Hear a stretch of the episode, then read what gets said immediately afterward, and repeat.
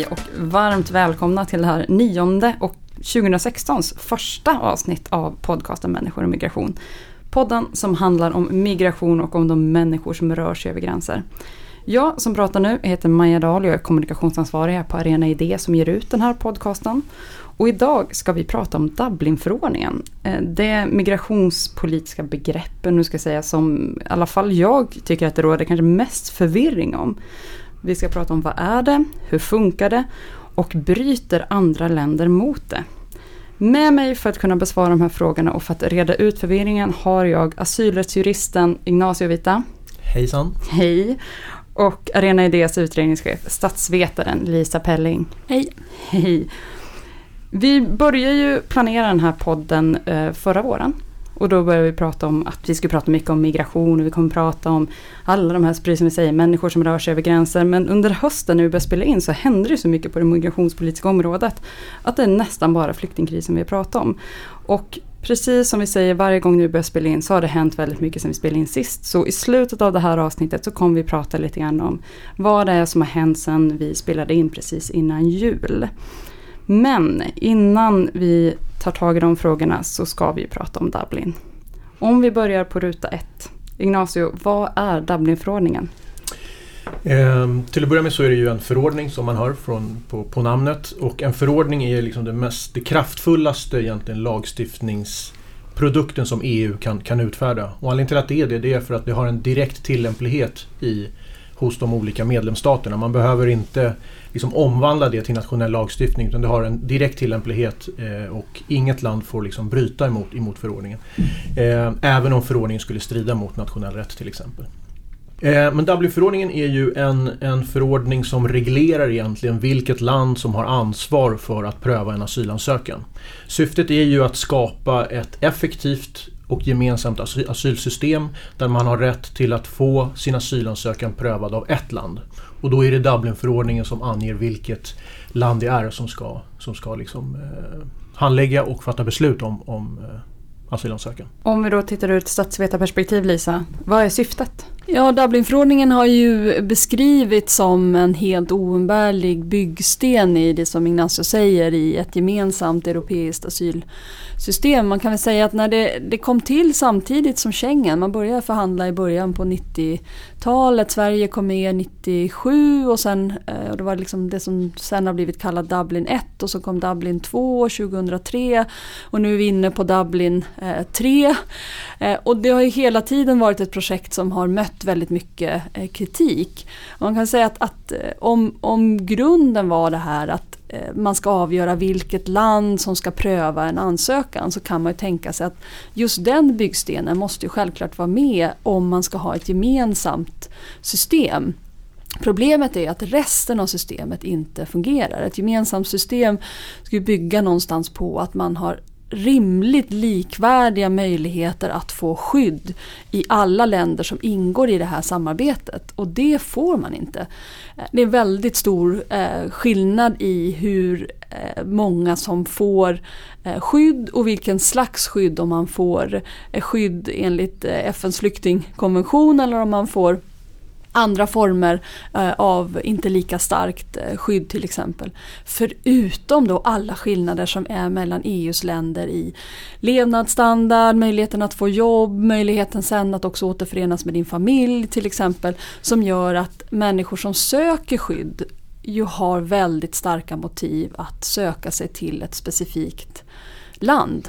Eh, och det är det här som har gjort att det har varit så väldigt svårt att få eh, Dublinförordningen att, att fungera. Till det ska man väl också lägga, och det är ju du Ignacio eh, bekant med, att de här som man kallar Dublin-ärenden, alltså prövningen av om huruvida en persons asylansökan ska prövas i det land där det lämnas in, till exempel i Sverige, eller om prövningen ska ske någon annanstans. Den prövningen har visat sig vara tidskrävande, kostnadskrävande, ganska ineffektiv i den betydelsen att även om myndigheterna kommer fram till att ärendet inte ska prövas här så har det visat sig svårt att liksom återföra folk till det land som, som man ska pröva den i. Så, ja, Möjligen är det här en helt oumbärlig byggsten men den har inte funkat och mycket beroende på att systemet som helhet inte har fungerat. Nu var ju du lite grann inne på, på prövningen. Hur, hur går prövningarna till, Ignacio? Jo, det, när en person kommer till Sverige för att söka asyl så är en av de första sakerna som Migrationsverket måste ta ställning till det är ju om det är Migrationsverket i Sverige som ska handlägga asylansökan eller om personen ska överföras till ett annat land eh, för att det är det landet enligt Dublinförordningen som, som ska handlägga asylansökan.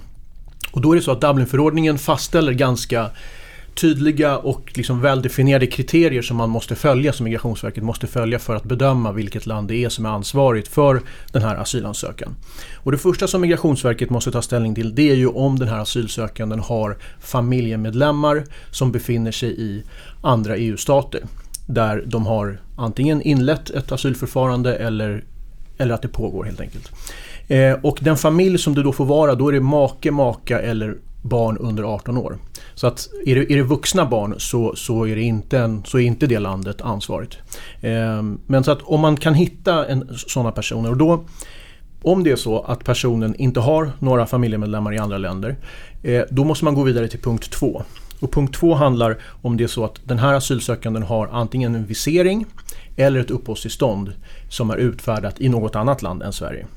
Ehm, och då är det så att man kan ha, man kan, för att få besöka ett land i EU, det har vi varit inne på tidigare, så måste man ha ett, ett, ett visum för att kunna ta sig in. Och de viseringarna de brukar gälla i tre månader. Har man en, en sån visering som är utfärdat av, säg Frankrike till exempel, och det, den viseringen är giltig nu, då, då är det Frankrike som är ansvarig för, för asylansökan. Om det är så att viseringen har gått ut så måste det ha gått eh, ett an, en, en viss period eh, för att eh, man så att säga, för att det landet inte ska vara ansvarigt. Då kan Sverige fortfarande vara ansvarigt. Och har man uppehållstillstånd som är antingen en visering som är längre än eh, tre månader eller ett uppehållstillstånd så är det samma sak där. Att, att är det giltigt så är det det landet som blir ansvarigt och har det gått ut så måste, man ha, måste det ha varit utgånget under två år för att det landet inte ska bli ansvarigt.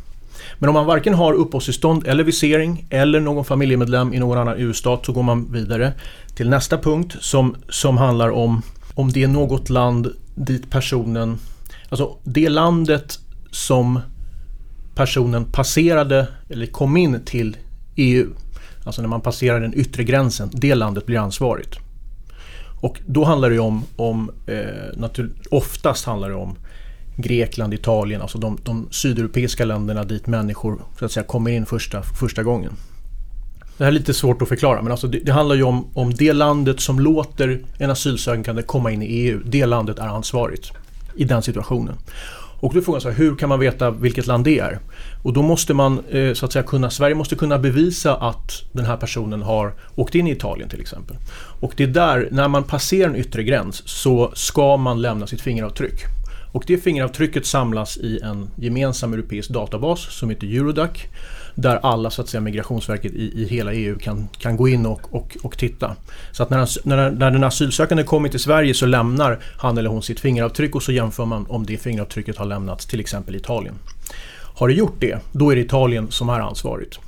Eh, problemet här är ju att väldigt många och Lisa var inne på det lite tidigare, att många länder låter bli att registrera asylsökande. Och då kan man inte se att den här personen faktiskt har rest in i Italien. Och då, eh, då kan man heller inte anse att det är Italien som är ansvarigt i det fallet. Ehm, och i det läget så måste man gå vidare till nästa kriterium som handlar om om det är så att man har varit i ett annat EU-land i mer än fem månader. Då är det det landet som är ansvarigt. Och sist men inte minst om man har lämnat in en asylansökan i ett annat land. Men det här med det, här med det italienska det, det kriteriet är väldigt viktigt att förstå för att, eh, alltså att, att det är bara så att säga det första landet genom vilket man tar sig in i EU-området som kan bli ansvarigt. Resten av resan Eh, att du reser via flera länder innan du kommer till Sverige är inte på något sätt ett problem utifrån Dublinförordningen. Så att man får så att säga resa i flera länder så länge det är inom det europeiska området. Men det är det landet som så att säga låter personen komma in i EU-området som kan bli ansvarigt. Så man kan från Tyskland inte skickas tillbaka till Ungern? Om man har rest in genom Grekland men också varit i Ungern? Utan det är, det, det är, till Grekland som man i så fall skickas för att Grekland ska göra asylprövningen där. Precis. Det har ju varit mycket debatt till exempel att folk var upprörda över att folk reser igenom flera länder innan de kommer till Sverige, till, genom Danmark till exempel, att det skulle vara ett brott mot Dublinförordningen. Men det är det inte. Eh, utan utan det, det är, som, som prisen var inne på, det, det är liksom yt, den yttre gränsen som blir ansvarig.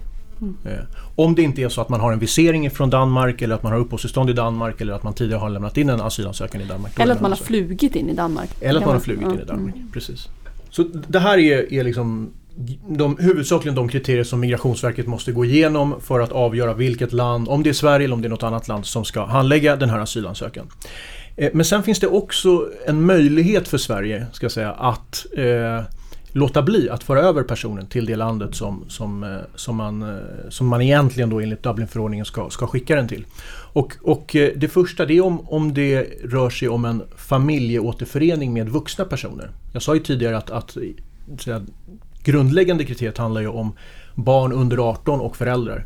Men om det är så att det har funnits ett beroendeförhållande mellan till exempel ett vuxet barn och en förälder. Till exempel att föräldern eller barnet är väldigt allvarligt sjukt men, men är över 18 år till exempel. Så kan det finnas vissa sådana situationer där man då kan Istället för att egentligen skicka tillbaks personen kanske till Italien så kan man pröva ansökan i Sverige om det är så att de personerna redan finns i Sverige. Det är den första eh, liksom undantagsregeln kan man säga.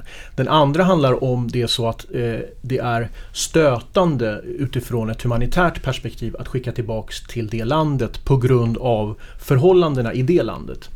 Eh, och det är ju en, en, en, så att säga, en regel och en princip som, har, som också har utvecklats av Europadomstolen och av EU-domstolen.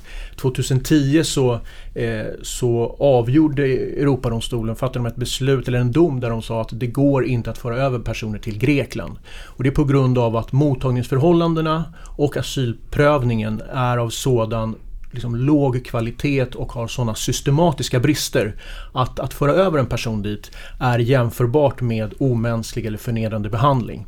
Det vill säga att, att behandlingen av, alltså, av asylsökande i det landet har, har sådana enorma brister att det inte går att, att eh, skicka dem dit.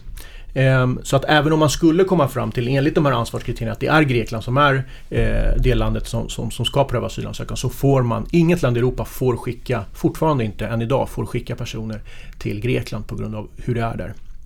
Ehm, för det kanske också många som funderar att det är så många som kommer till Grekland och sen de, de registreras ju inte där utan de, de eh, skickas ju vidare. Ett, ett, ett annat fall det rör ju Italien där där man inte säger att det är lika allvarligt som det är i Grekland men man säger att i vissa situationer där det finns barn i, i en familj eh, och de mottagningsförhållandena i Italien under en viss period har varit så pass dåliga för just barnfamiljer så krävs det individuella garantier från Italien att det finns eh, ett boende som är rimligt för den här familjen, mottagningsförhållanden som är rimliga för att man ska kunna överföra till Italien.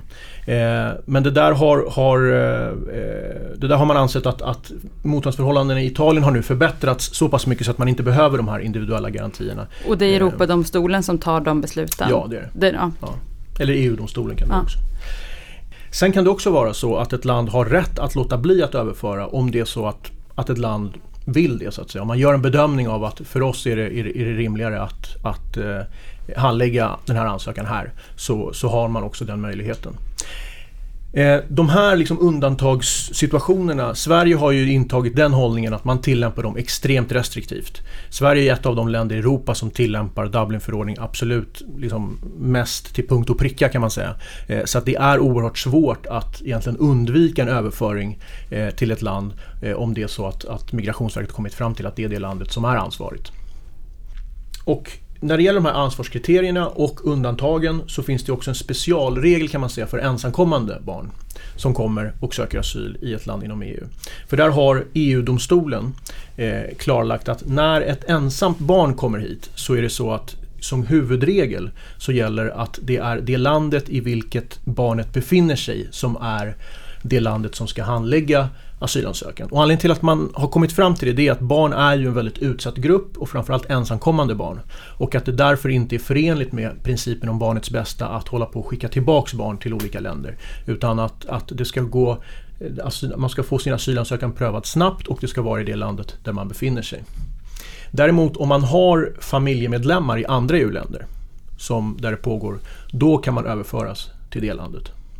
Men då om, så som jag hör det så egentligen borde ju ingen kunna söka asyl i Sverige. Alltså för att alla kommer från en yttre gräns. Det är ingen som kommer direkt till Sverige.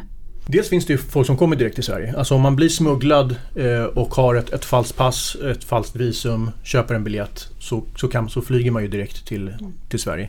Det är ett sätt, men det är ju väldigt få. De absolut flesta kommer ju, eh, precis som du säger, via, via södra Europa. Problemet är ju just att finns det ingen registrering av fingeravtrycken i de gränsstaterna så kan de stater inte bli ansvariga. Om det inte finns andra bevis för att man har så att säga rest in i det landet. Till exempel om man har tågbiljetter från Italien eller så, där, där liksom, men det är ju väldigt sällan som, som en asylsökande som inte vill tillbaka till Italien visar upp en, en tågbiljett för Migrationsverket. Så att i praktiken så är det just fingeravtrycken som blir avgörande.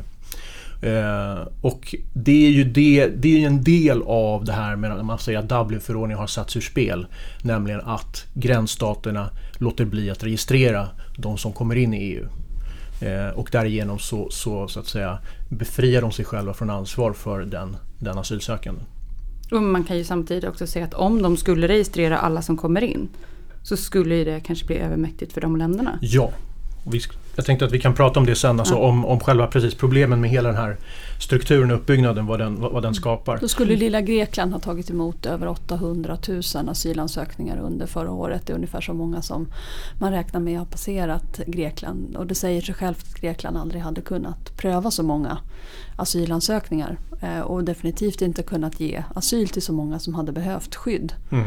Eh, så där, det är också en väldigt stor liksom, svaghet i det här systemet. Att det är klart att om det är så att det land där man korsar gränsen ska vara ansvarig för prövningen. Då måste det finnas ett omfördelningssystem som sen när prövningen väl har gjort tar hand om de som har eh, fått skydd och till exempel Grekland utfärdar skyddet men skyddet får man åtnjuta i Tyskland eller i Sverige.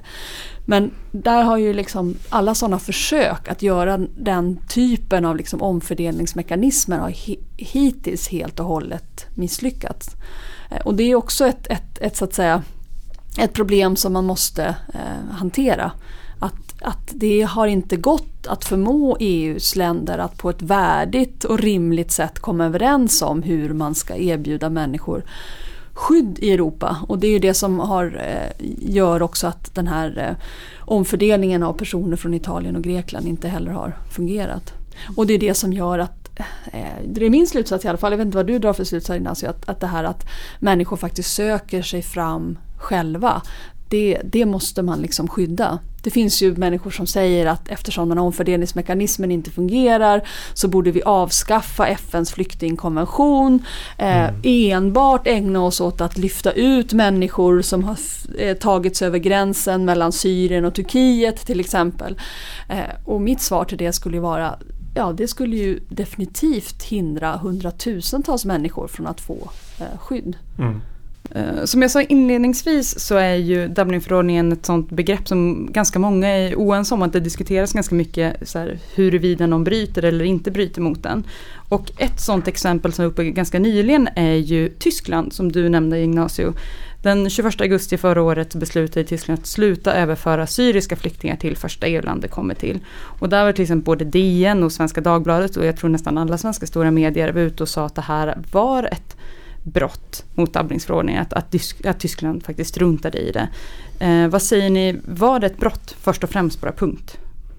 Nej, det skulle jag inte säga att det är. Just, just som jag var inne på att, att det finns en möjlighet för medlemsstaten att även om det är ett annat land som egentligen är ansvarigt så, så ska man göra en bedömning till exempel om det är humanitärt stötande att skicka tillbaka någon till ett visst land eller om man helt enkelt gör bedömningen av ekonomiska eller av andra skäl att, att det är mer lämpligt att, att man själv eh, så att säga hanterar asylansökan, asylansökan i, i det egna landet. Så nej, jag skulle inte säga att det är ett brott mot Dublinförordningen, det Tyskland gjorde. Mm. Varför gjorde man det i det här fallet? Lisa, vet du det? Jag, jag, jag skulle säga det som situationen som var då liksom i slutet av augusti 2015 var ju att eh, UNHCR precis hade släppt sin rapport som man kallade En värld i krig. Där man konstaterar att det aldrig har funnits så många människor på flykt någonsin eh, tidigare.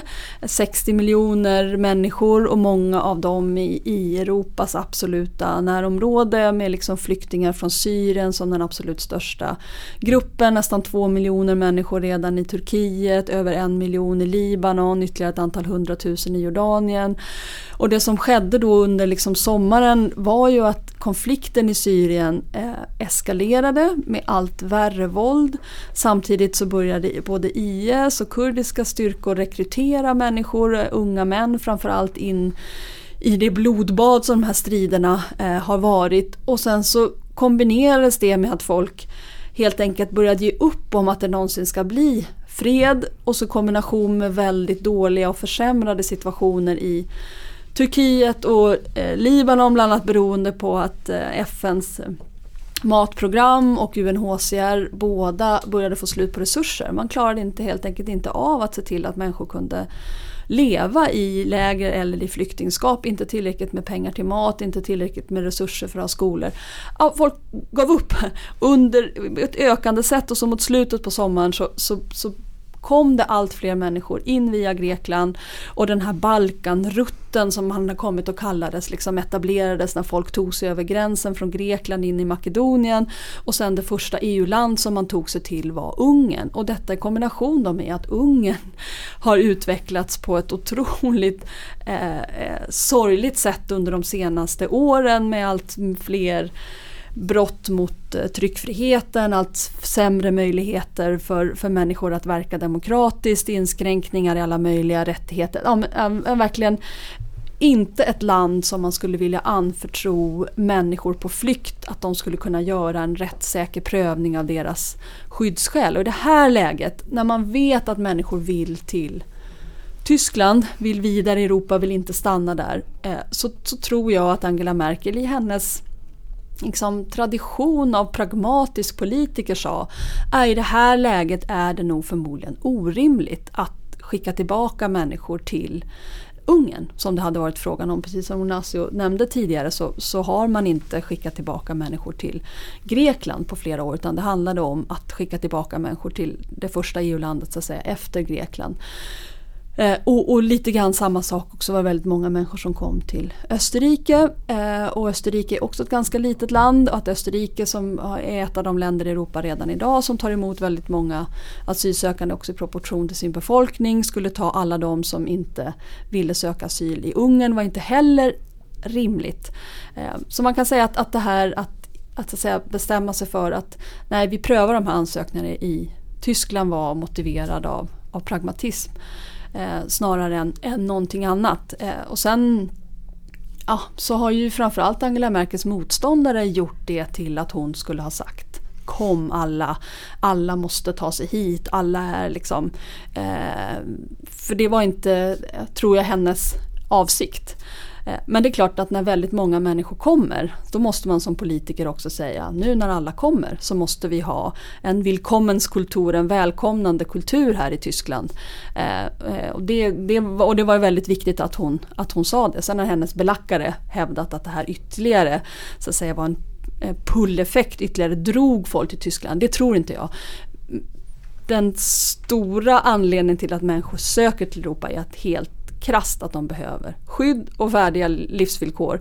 Och det har man inte kunnat få någon annanstans än, än i Europa. Och då har man helt enkelt tagit sig hit och både Tyskland och Sverige har, har att, haft att agera utifrån, utifrån det. Vad får det då för effekt för ett land som, som Tyskland till exempel om man då väljer att inte pröva det eh, som ett Dublin-fall? Jo, en, en anledning till eh, det tyska beslutet kan ju också ha varit en pragmatisk eh, insikt om att man sparar en hel del tid i själva asylprövningen. Om det kommer eh, många asylsökande, eh, allting är ju relativt såklart. I den här världen vad är många jämfört med Libanon, jämfört med Turkiet. Men om det kommer fler än det har kommit tidigare så sparar man en hel del tid i prövningen, en hel del handläggartimmar i att man inte först ska pröva pröva om det är så att Tyskland ska pröva asylansökningar utan till exempel istället Ungern eller Kroatien på att eh, skippa det steget och gå direkt på att pröva eh, ansökan om, om asyl. Så det, det, var förmodligen också en del av eh, anledningen till att man tog det här beslutet. Och sen finns scenerna från, från tågstationen i, i Budapest med väldigt massa människor som är på väg till Tyskland som behandlas väldigt illa. Och på, på liksom alla tyskars näthinna så finns eh, de här scenerna från från, från eh, tågstationer med förseglade vagnar med flyktingar som, som man minns från, från, eh, från Östtysklands eh, sönderfall. Så att, och, och flykten därifrån under, under då 1989. Så att det här kan också ha motiverat.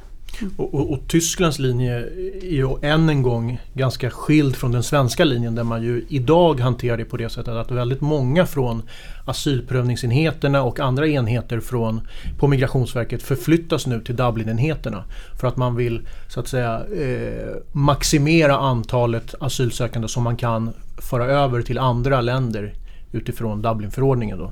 Eh, vilket ju liksom är, är, den raka motsatta strategin. Dublinförordningen har ju genom åren fått motta en hel del kritik och lite kritik som vi redan har varit inne och nosat på här. Vad skulle ni säga är liksom den allvarligaste kritiken mot förordningen? Alltså jag skulle säga att, att både kritiken mot Dublin, Dublinförordningen och kritiken mot, mot liksom hela systemet med omfördelning av asylsökanden är ju det som Lisa har varit inne på det, nämligen de diametralt skilda mottagningsförhållanden som finns i Europa och de diametralt skilda nivåerna på själva asylprövningen. Det är i sig det i särklass största problemet. Det är det som gör att eh, hela systemet fallerar på det sättet att asylsökande hela tiden söker sig till länder som har goda mottagningsförhållanden och till länder som har god nivå på asylprövningen. Eh, och, och, varje egentligen åtgärd eller varje reform, all, både det här som den svenska regeringen vill ha, nämligen en, en fördelningsnyckel, kommer inte att fungera om mottagningsförhållandena är så diametralt olika som de är i Europa. Redan nu, den här, den här väldigt få, var det 150-160 000 som skulle omfördelas, har ju inte lyckats omfördelas. Alltså det, det, finns liksom inte en politisk vilja överhuvudtaget och, och i, i den situationen där man egentligen aldrig adresserar kärnproblemet, nämligen de, de väldigt stora regionala skillnaderna i, i Europa när det gäller mottagningsförhållanden, så kommer man liksom alltid att behöva ha system som inbegriper tvång, som inbegriper våld mot, mot asylsökanden och kontroll. Och alla de systemen kommer att drabbas av väldigt liknande systemproblem som Dublinförordningen har. Sen har ju liksom Dublinförordningen som sådan ett, ett grundläggande problem tycker jag och det är det här med att man utser just gränsstaten som ansvarig för asylansökan. Det är dels ett problem för att det innebär en enorm belastning på de sydeuropeiska länderna som, i och för, som dessutom har ganska stora ekonomiska problem i de länderna. Men det, det skapar också ett incitament för de länderna att se till så att asylsökande inte kommer in i EU. Eh, alltså både Italien och Grekland har ju dömts av Europadomstolen och av andra internationella organ för väldigt allvarliga kränkningar av mänskliga rättigheter när de har försökt skicka tillbaka asylsökande till Libyen till exempel när det var tidigare. Man, man, man, man har liksom, det, och det ligger liksom i Dublinförordningens dynamik att, att för att de inte ska bli ansvariga så måste de göra så här. för att det, det är så liksom systemet är konstruerat. Så att, så att liksom Dublinförordningen skapar ett, ett väldigt, en väldigt stor spänning mellan de nordeuropeiska länderna och de sydeuropeiska länderna. Och den spänningen gör ju också att man, att man saknar ju, tycker jag, insikten eller uppfattningen om att det här är ett gemensamt ansvar i Europa. Det blir ju fortfarande är det så att det är länder som, som så att säga krigar mot varandra i vem som tar mest ansvar och vem som tar minst ansvar. Och det här systemet skapar inte heller incitament för de länder som har dåliga mottagningsförhållanden att faktiskt förbättra dem. Utan snarare är det ju så att ett dåligt mottagningsförhållande är ju ett ganska starkt kort för att slippa eh, ansvar. Eh, och det, det är det som är det klassiska liksom, race to the bottom som vi har pratat om ganska mycket. Att, att det finns också inbyggt i, i den här Dublinförordningen att, att det är en sån, en sån spiral. Liksom. Eh, och kontentan på något sätt av bristen på ett gemensamt ansvar det är ju det som Sverige har gjort nu. Nämligen att man, att man så att säga verkligen använder gränskontroller och ID-kontroller för att få andra länder att agera på ett visst sätt. Man har ju liksom, det är någon slags eh, dolkstöten för, för ett gemensamt politiskt ansvarstagande för en situation att, att, eh, att agera på det sättet. Så jag tror att de här sakerna är är tror jag, så, så länge vi har liksom så skilda nivåer på asylprövning och mottagningsförhållanden så kommer vi inte att hitta ett system som verkligen adresserar de avgörande problemen. För det ska man komma ihåg att Dublinförordningen har skadat otroligt många människor. Det är väldigt många unga människor vars liv har krossats på grund av Dublinförordningen. Det finns barn och unga, ungdomar som bränner sina fingertoppar med syra för att inte kunna Eh, alltså för att inte kunna bli hittad i, i, i det här datasystemet med, eh, eller databasen med, med eh, eh, fingeravtrycken. Det är många familjer som har splittrats. Det är många människor som har gått under jorden för att inte bli överförda och för att den här tiden ska löpa ut innan man kan söka igen. Så att den, den, det är ett resurslöseri med människor och det är ett system som, som uppenbarligen inte, inte fungerar. Mm. Nej, och då tycker jag att det är viktigt att understryka att det handlar om när, när Ignacio säger mottagningssystemet så kan man ju tänka att det är klart att en liten del av det här är att man får en rimlig dagsersättning. Den är jättelåg i Sverige, man kan knappt leva värdigt på den. Eh, men den är bättre än, än ett cementgolv i ett överfullt fängelse med misshandlande vakter i Grekland eller i, eh, eller i Italien. Men, men själva grundproblemet är ju att när man lämnar in sin ansökan om att få skydd så prövas den här ansökan på helt olika sätt. Eurostat har precis publicerat liksom statistik från tredje kvartalet eh, förra året.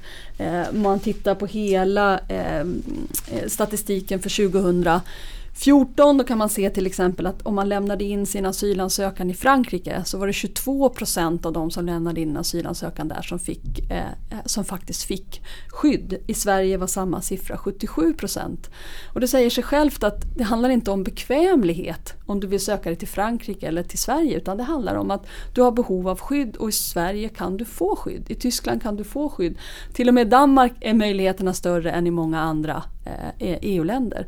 Och det är det som motiverar människor att, att söka sig. Sen är ju 10 000 kronors frågan. Hur ska vi motivera de andra EU-länderna att öka eh, andelen asylsökande som får skydd?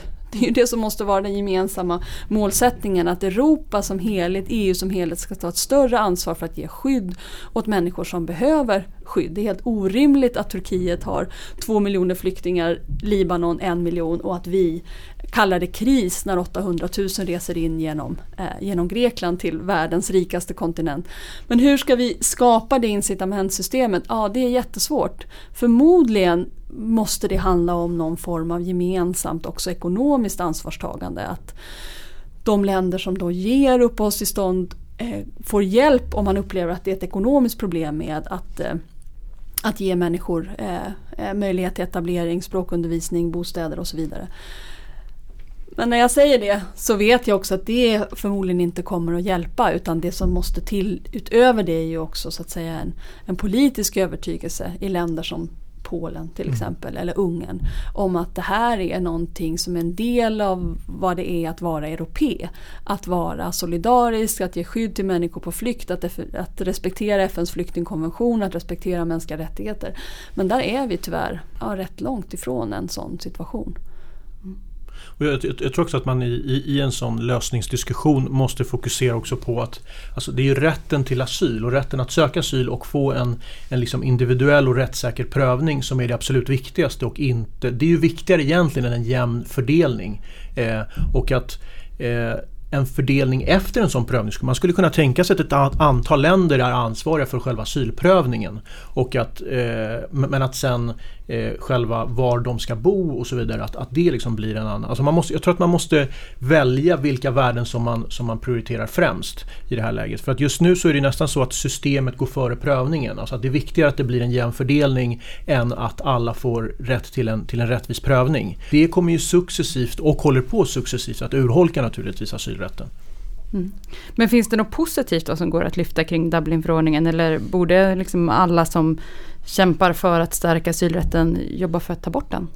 Jag, jag, jag, tycker det finns vissa saker som är positiva. Alltså inte med Dublinförordningen i sig, men Dublinförordningen skapar ju också ett, även om det skapar ett incitament som inte är bra som vi har varit inne på, så skapar det också ett incitament för de olika migrationsmyndigheterna att faktiskt samarbeta, att utbyta erfarenheter. Att det, alltså det svenska migrationsverket är, gör ju en enorm insats idag i när de håller kurser och de är på konferenser med andra migrationsmyndigheter runt om i Europa och, och i princip lär ut hur de gör sina asylprövningar. Och det är klart att det, någonstans så måste vi komma dit. Vi måste ju hitta en gemensam syn på vad asylrätt faktiskt är för någonting och vilken skyddsnivå vi ska ha för olika eh, asylsökanden. Så att eh, Eh, jag tror att det, liksom är, det är oundvikligt att en Dublinförordning ändå skapar dialog och, och eh, utvecklandet av en gemensam liksom, syn på frågor. Men det är vi långt ifrån såklart. Ja, det som brukar lyftas eh, fram är ju att det, det läge som rådde innan man hade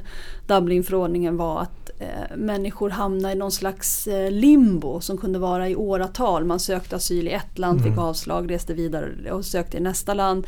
En flyktingsmugglare kunde pressa ut, eh, utpressa människor på att betala igen och igen och igen för att liksom pröva ansökan i olika länder. Det är klart att det blev dyrt och tidskrävande för individen men också dyrt och tidskrävande för de enskilda asylprövningssystemen i vart och ett av länderna. Men jag vet inte hur stort det problemet var. Men det är klart att det, det, det, är rimligt att man har en regel som på något sätt reglerar eh, vilket land som är eh, huvudansvarig. Men, men det systemet kommer aldrig att fungera i ett vakuum. Det kräver att alla de andra delarna av systemet fungerar också. För du menar principen om att ett land ska pröva din ansökan är ju inte, den är inte problematisk i sig. Problemet är ju att den är viktigare än själva innehållet i prövningen. Att så länge som prövningen är så otroligt mycket sämre till exempel i Frankrike än i Sverige så kommer ju oavsett vilket system du än väljer så kommer ju folk att vilja ta sig från Frankrike till Sverige förr eller senare på ett eller annat sätt. Genom att bränna sina fingrar eller, eller att göra någonting annat. Så att alla de liksom, förslagen kommer ju fortfarande skapa den här, den här, de här problemen. Och det är jättelätt att, alltså det är jättelätt att vara kritisk. Det är mycket svårare att hitta, hitta lösningarna såklart. Men jag tror att det jag saknar i hela den här diskussionen det är ju adresserandet av själva grundproblemet nämligen det behövs ju en, en väldigt offensiv investeringspolitik i hela, hela EU för hur asylprövningen ska gå till. Och jag är inte så säker på att det behöver innebära så, så jättemycket resurser. Eh, men, men det behöver finnas ett politiskt ledarskap i att, att vilja ta upp de frågorna och inte bara så att säga prata om att vi tar emot för mycket, ni tar emot för lite, vi måste hitta en, ett, ett gemensamt system. Det är gemensamt, alltså man, man skjuter sig själv i foten om man tror att det gemensamma systemet kommer att fungera så länge det är sådana enorma skillnader inom Europa. Så man måste adressera det problemet på bred front politiskt. Finns det några alternativ? Ja, ja, ja, alltså det finns ju inget alternativ till att ha någon form av princip som reglerar vilket land inom EU som är en, ett, liksom en, gemens, en zon av gemensam inre rörlighet som har ambitionen att ha gemensamma yttre gränser. En sånt område i världen måste ha en sån regel om vem det är som ska pröva eh, asylansökan. Men, men, men hur det ska utformas och framförallt vilka andra delar av systemet som behövs för att upprätthålla det, det, det, det är en annan sak. Då får det bli sista ordet som sägs om Dublin. Och som jag sa inledningsvis så ska vi ta oss en titt på vad som har hänt sen vi spelade in sist. Eh, sen vi spelade in precis innan jul så hade ju regeringen kommit med sitt åtgärdspaket och ID-kontrollerna hade röstats igenom i riksdagen. Hur ser det ut nu? Vad händer vid Öresundsbron? Och nu har ju då alla som är transportörer av kollektiva färdmedel, tåg, eh, bussar, eh, färjor blivit ålagda att kontrollera människors identitet. Man måste uppvisa någon form av ID-kort eller pass innan man eh, stiger ombord på färjan eller de går ombord på, på tåget. Och då är det väldigt viktigt att komma ihåg att det här inte är en gränskontroll och, och det eh, viktigaste skillnaden mot en gränskontroll är att en gränskontroll per definition då görs vid gränsen. Och vid gränsen så har man enligt FNs flyktingkonvention rätt att söka asyl. Men den busschaufför eller tågvärd eller eh, den som sitter i biljettluckan på färjeterminalen är inte en person som man kan vända sig till för att söka asyl. Utan är det så att man inte kan visa upp ett ID-kort som kan godtas på de här ställena så är det som återstår att söka asyl i det land man då befinner sig i. I det här fallet är det Danmark. Eh, och det är också viktigt att komma ihåg att det är det som har varit hela syftet med ID-kontrollerna.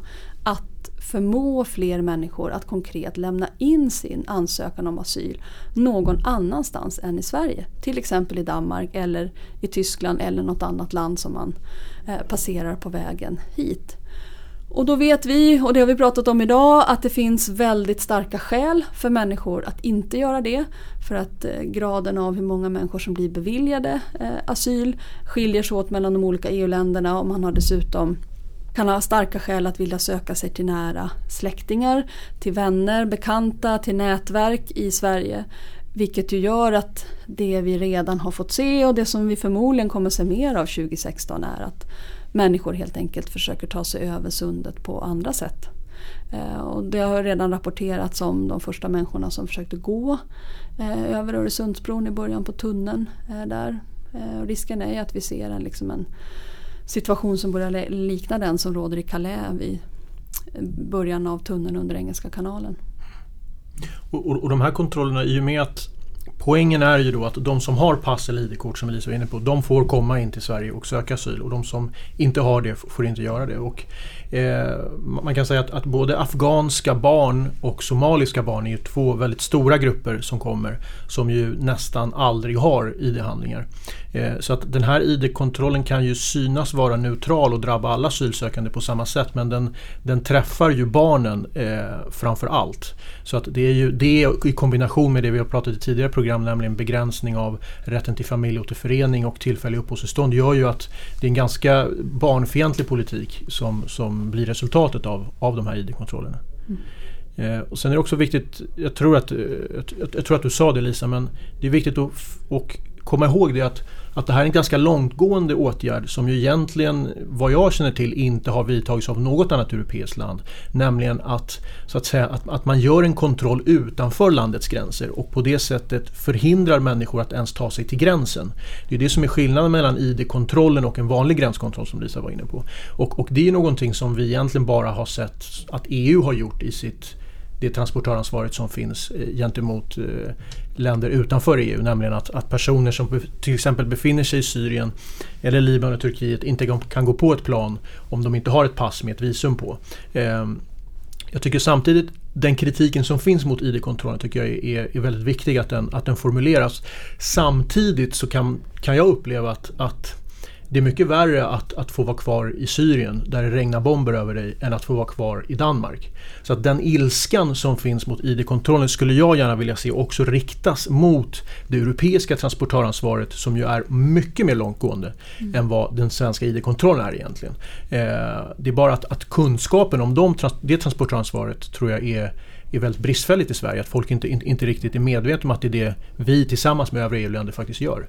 Eh, för, för även om, om det danska asylprövningssystemet eh, kanske inte är lika bra som det svenska så, så är det fortfarande ett av världens rikaste länder och det är fortfarande en asylprövning som eh, tror jag ändå generellt sett håller en hyfsad standard jämfört med, med många andra. Det är inte, liksom inte ett brott mot flyktingkonventionen som de regelmässigt gör. En annan grupp som påverkas av de här ID-kontrollerna som får tagit ganska stor plats ändå i den svenska debatten är ju pendlarna.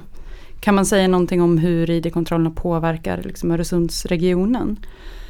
Ja, det har ju alla möjliga eh, personer, både arbetspendlarna själva men också näringslivet i, i Skåne och Öresundsregionen varnat eh, för det att det blir väldigt eh, svåra konsekvenser. Det är klart att det är en, en, en tragedi att en del av världen som har haft så pass fri rörlighet, den, den nordiska passunionen har ju funnits sedan 1950-talet, nu drabbas av en sån eh, kraftig restriktion. Att, att, så att säga alla måste stanna, gå ur tåget. Vid biljettluckan till färjeterminalen så räcker det inte med att visa upp din biljett utan man måste visa upp ID-kort som måste kontrolleras.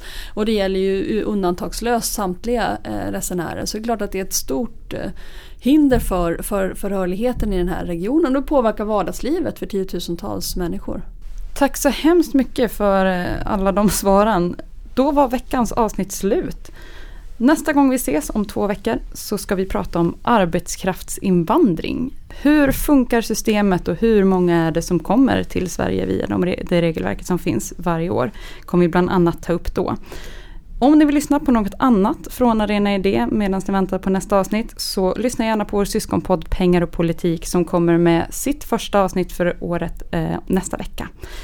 Eh, ni kan även gå in och lyssna på Arena Play och där hittar ni de seminarier som Arena Idé eh, arrangerar runt om i Sverige. Arena Play hittar ni både via Soundcloud eller valfri poddapp. Och med tanke på vad vi har pratat om här idag om Ungern så eh, uppmanar jag er att gå in och läsa det Viktor Banke har skrivit om vad är det som egentligen händer med Ungern. Som finns både på webben via Dagens Arena Eh, och som ni kan lyssna på hans föredrag på det seminarium vi hade om lagliga vägar. Det hittar ni, det, jag tror att det är del två som Viktor pratar i, eh, som ni hittar då via Soundcloud eller då som sagt valfria poddapp. Har ni några frågor eller kommentarer på dagens avsnitt så går det bra att antingen twittra till oss på eh, arenaidé. Man, visst kan man även twittra direkt till dig numera Ignacio? Det kan man göra. Eh, Ignacio underline vita. Amen. Eller direkt till dig Lisa? Yes, Lisa underline Pelling. Ja men titt, man kan nå er båda. Eller skriv det på vår Facebook-sida. Ni hittar oss om ni bara söker på människor och migration inne på Facebook. Vi försöker besvara så mycket frågor vi får där inne som möjligt. Med det sagt Fint att ha er tillbaka. Hoppas vi att 2016 blir ett lite bättre år migrationsmässigt än vad det har mm. varit 2015. Yes. Vi hörs om två veckor. Tack så mycket Lisa och Ignacio. Tack. tack. tack. Hej.